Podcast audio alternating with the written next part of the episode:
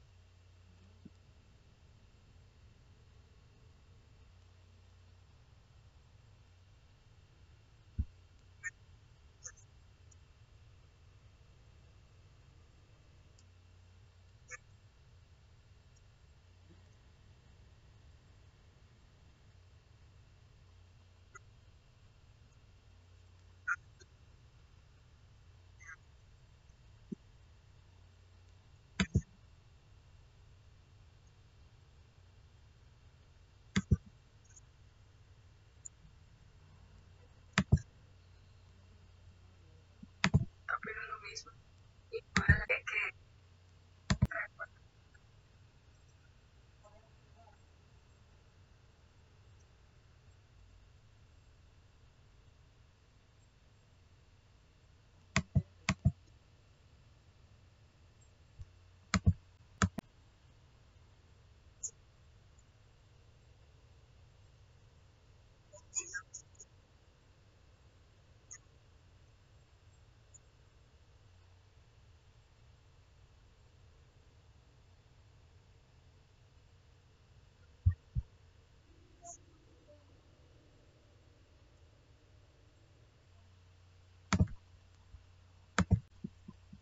También, algo que es muy importante es que la empatía es un valor que demuestra cuánta bondad tenemos en nuestros corazones. Además, la empatía ayuda a inspirar a muchas otras personas. También,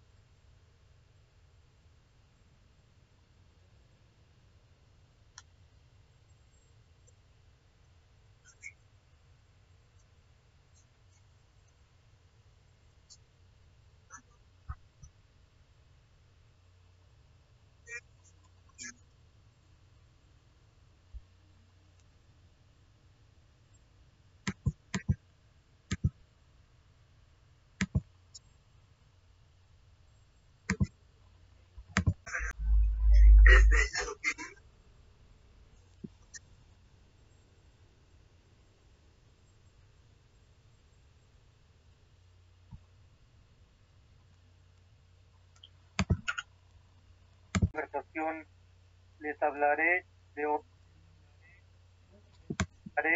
otro tema que va de la mano. Y es el aprender a pensar. Hay muchas maneras de reflejarlos analíticamente, crítica o creativamente. Y además, cuando y además cuando lo implementamos debemos ser conscientes de ello. A mi parecer es una habilidad que se puede aprender y que es posible de perfeccionar con el paso del tiempo, ya practicándolo más a menudo.